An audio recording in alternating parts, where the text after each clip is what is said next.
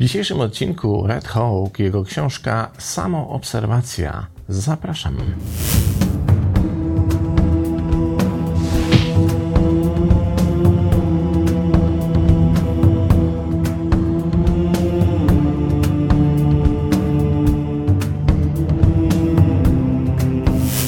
Jak zwykle, standardowo, spróbujemy zacząć od sprawdzenia, kim jest autor dzisiejszej książki.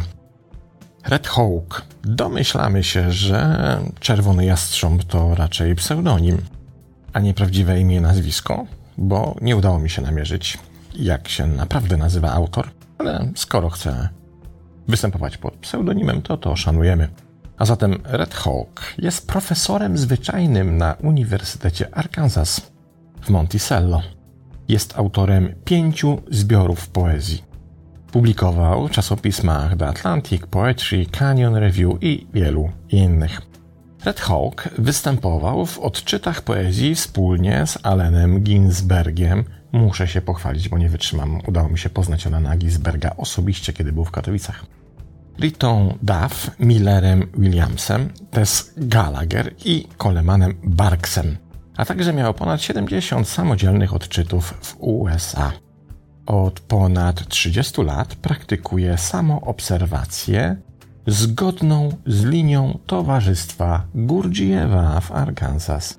I oto mamy fantastyczne połączenie z książką sprzed tygodnia, która zdaje się, że zrobiła na Was spore wrażenie, sądząc po ilości maili, które dostałem w tej sprawie. Ale zacznijmy od pierwszego fragmentu. Poznanie siebie jest jedną z fundamentalnych nauk duchowych ludzkości. Nauczali tego mistrzowie, odkąd istnieli ludzie z budową mózgu, jaką dysponujemy i znamy obecnie. Idea samopoznania została wypisana nad bramą do szkoły Pitagorasa, znajdowała się również nad wejściem do wyroczni w Delfach. Sokrates uczył tego swoich uczniów. Krishna, Buddha, Lao Jezus, Rama, oni wszyscy tego nauczali.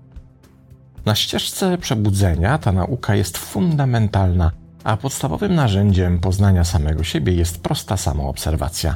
Buddha nazywa to obserwacją, Krishna nazywa to medytacją, Jezus nazywa to świadectwem, Gurdjieff nazywa to również samoobserwacją. Jest to forma modlitwy bez słów. Samoobserwacja jest narzędziem, dzięki któremu człowiek jest w stanie operować, naprawiać i utrzymywać w zdrowiu ludzkie ciało, oswajać i trenować jego funkcje.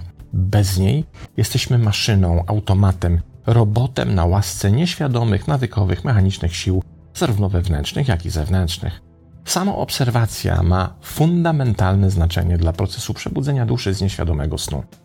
Pierwszą rzeczą, którą należy zrozumieć, i będzie to powtarzane na wiele różnych sposobów w tej instrukcji obsługi, bo jak zerkamy do tytułu książki, znajduje się w niej słowo, znajdują się w niej słowa instrukcja obsługi właśnie.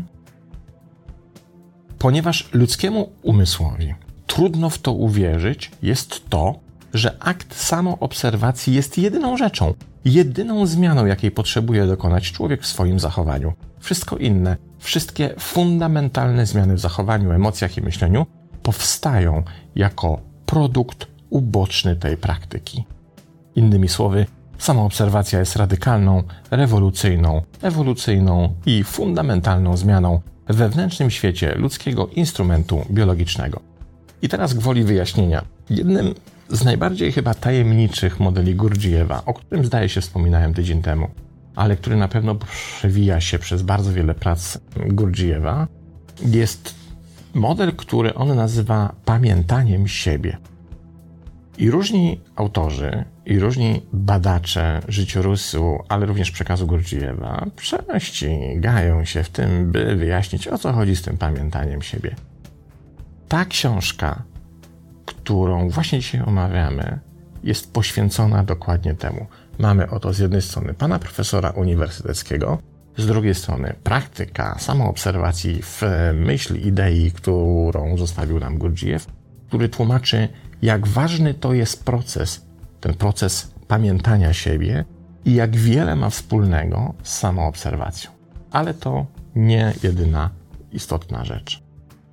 Książka jest cenna niezwykle ważna, ukazała się w roku 2009. Dotąd oczywiście ja przynajmniej nie znalazłem jej tłumaczenia na język polski, a bardzo szkoda.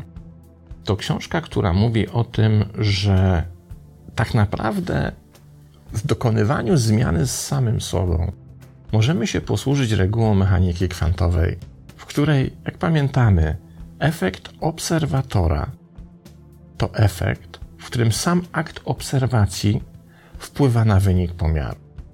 I to samo mówił David Hawkins, to samo podejście stosujemy w modelu transpersonalnym i w psychologii transpersonalnej, w takim narzędziu na przykład jak clicker, który opisałem w książce Model Transpersonalny, a później w autoterapii.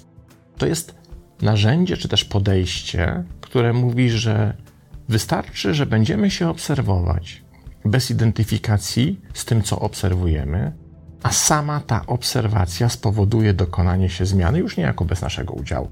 Mówiąc inaczej, nie musisz robić nic innego. Po prostu się samo obserwuj. Trzeba wiedzieć, jak to zrobić. Trzeba się posłużyć określonymi wytycznymi, żeby ta sama obserwacja przyniosła odpowiedni skutek i dała odpowiedni sens. I pan profesor, tajemniczy czerwony jastrząb, tłumaczy nam, jak to zrobić. Posłuchajmy.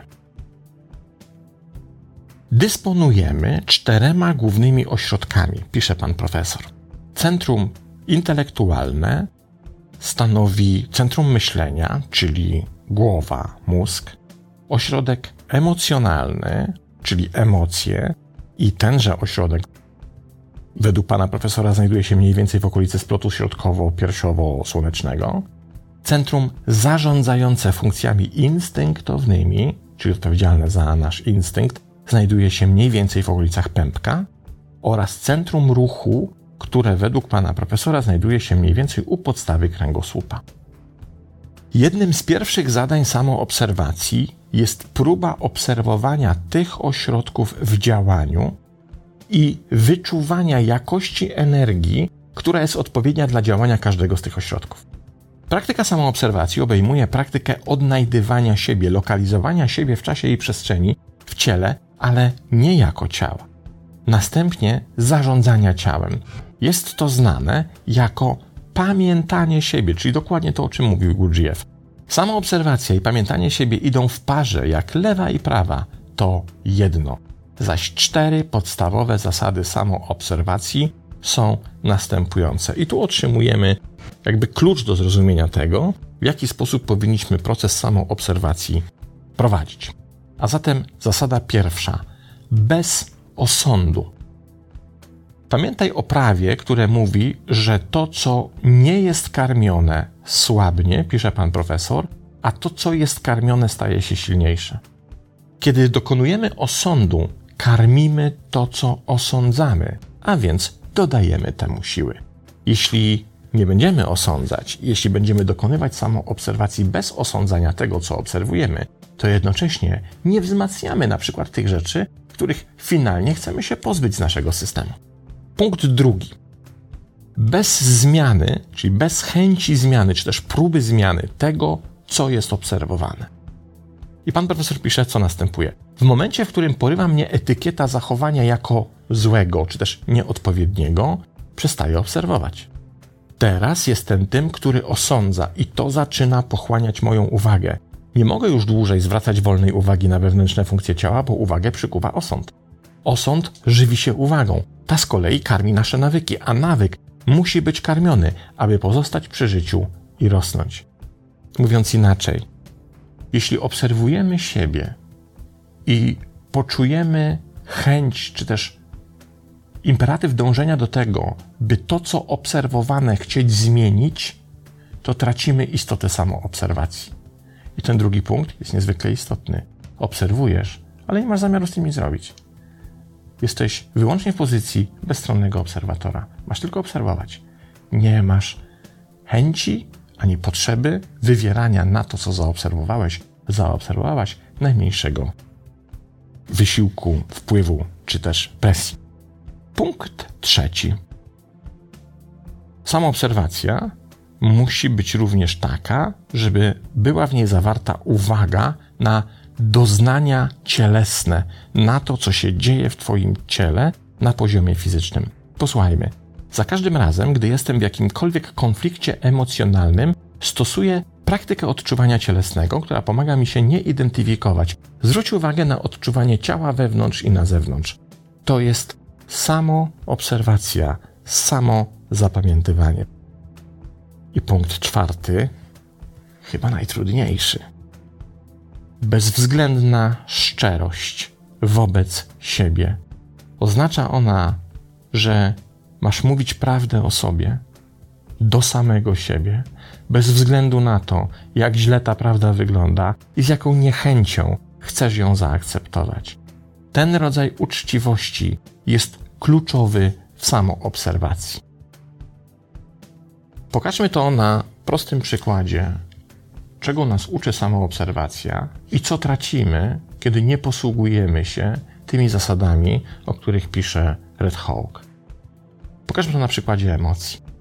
Wyobraź sobie, że właśnie w Twoim otoczeniu, w miejscu, w którym się znajdujesz i czasie, w którym przebywasz, pojawia się jakiś zewnętrzny bodziec, który wyprowadza Cię z emocjonalnej równowagi.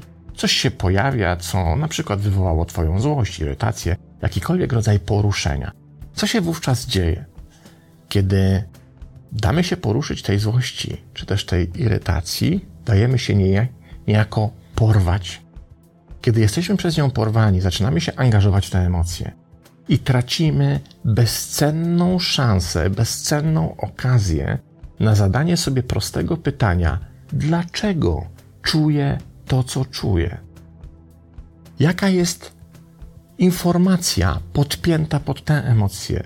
Czego się dowiedziałem z tego, że ta emocja się we mnie pojawiła? Jaki pakiet informacji został właśnie mi dostarczony przez moje własne ciało, przez mój własny system emocjonalny, z którego mógłbym skorzystać, ale z którego nie korzystam, bo dałem się porwać emocji. Tymczasem, kiedy jestem obserwatorem swoich własnych emocji, przypomnijmy sobie, bez osądu, bez chęci ich zmiany, z uwagą, pełną uwagą tego, co te emocje wyrabiają na poziomie fizycznym w moim ciele i bez chęci wywarcia jakiejkolwiek presji, by oszukiwać samego siebie, to jestem w stanie z każdej swojej emocji odczytać nieprawdopodobną ilość niezwykle istotnych informacji. Czemu Stefan mnie zdenerwował? Czemu to samo zachowanie Stefana nie zdenerwowało Grażyny, a na mnie wywarło aż tak duży wpływ? Czemu to słowo mnie obraziło? Czemu to, w jaki sposób ona na mnie patrzy, czy on na mnie patrzy, mnie niepokoi? Zobaczcie, pod każdą z emocji kryje się nieprawdopodobna ilość informacji i my w naszym normalnym funkcjonowaniu wykazujemy tendencję, by je pomijać, by ich nie zauważać, by na nie nie zwracać uwagi. Dlaczego? Ponieważ dajemy się porwać tym emocjom. Samo obserwacja uczy nas uczenia się siebie. Bezcenna rzecz. Kolejny fragment. Praktyka samoobserwacji prosi mnie po prostu o odnalezienie siebie, pisze pan profesor, a następnie zarządzanie ciałem. Pozostań w bezruchu, pozostań w miejscu i dostrzegaj to, co pojawia się z chwili na chwilę w ludzkim instrumencie biologicznym, nie ingerując w żaden sposób w to, co jest zauważane. Tylko dzięki cierpliwej, szczerej, zrelaksowanej samoobserwacji, bez ingerencji w to, co jest obserwowane, mogę zacząć widzieć rozumieć i dokonywać świadomych wyborów z punktu widzenia celu, zamiast być mechanicznym, nieświadomym automatem napędzanym przez pierwsze reagujące emocje, czy też przez moje reakcje i domyślną pozycję, którą przyjmuję wobec tego, co się wydarza. Tylko wtedy moje związki mają szansę powodzenia, spełnienia i nakarmienia duszy. Tu widać piękno praktyki samoobserwacji. Wcześniej nie widziałem zbyt wiele, a tylko tyle, ile chciałem widzieć w danym momencie zanim moje mechanizmy obronne, stworzone przez lata i lata przyzwyczajeń, ruszyły do boju, by odgrodzić mnie od siebie. Zobaczcie, kolejna bezcenna rzecz.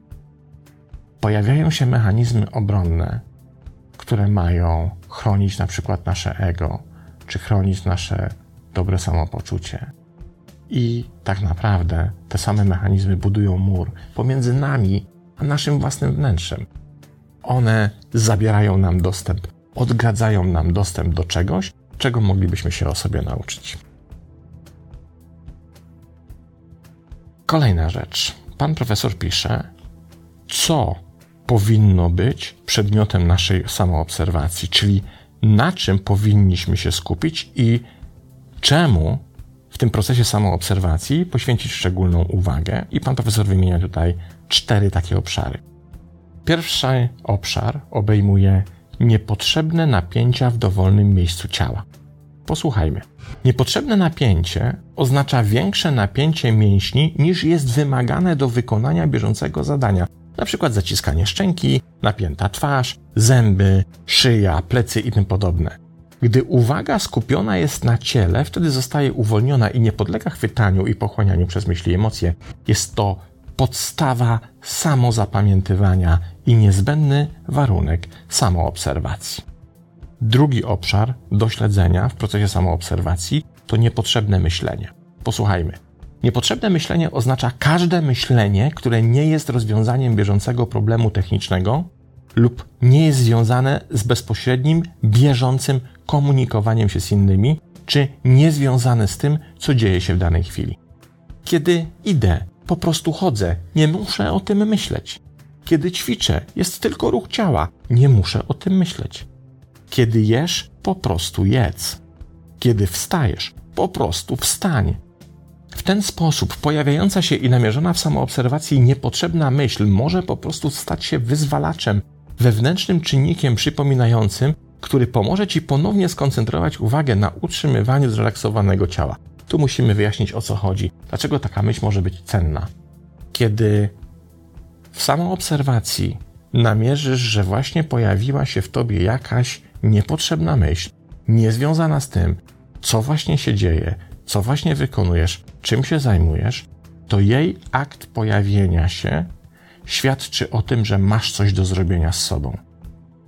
Że właśnie pojawiło się jakieś rozproszenie. I tutaj też jest informacja, skąd się wzięło, czemu się pojawiło, o czym jego pojawienie się cię informuje. Trzecia rzecz, trzeci obszar, który powinniśmy obserwować w procesie samoobserwacji według pana profesora, to niewłaściwe emocje. I poczytajmy. Niewłaściwa emocja to każda emocja, która jest bardziej niż odpowiednia dla obecnej sytuacji. Na przykład to skrajna, dramatyczna reakcja, niezwiązana z chwilą obecną, czy niewłaściwa reakcja emocjonalna na obecną chwilę. I ostatni, czwarty obszar samoobserwacji to przyzwyczajenia. Pan profesor mówi tak: to najtrudniejsze do zauważenia, ale przy niezakłóconej samoobserwacji po jakimś czasie odkryjesz pojawiające się wzorce energetyczne w konkretnych ośrodkach. Wtedy zobaczysz, czy Twoje reakcje są adekwatne do rzeczywistości, czy są jedynie prowokowane nawykami lub przyzwyczajeniami. To jest to, co chyba najbardziej służy nam w samorozwoju. Ja lubię taką metaforę laboratorium.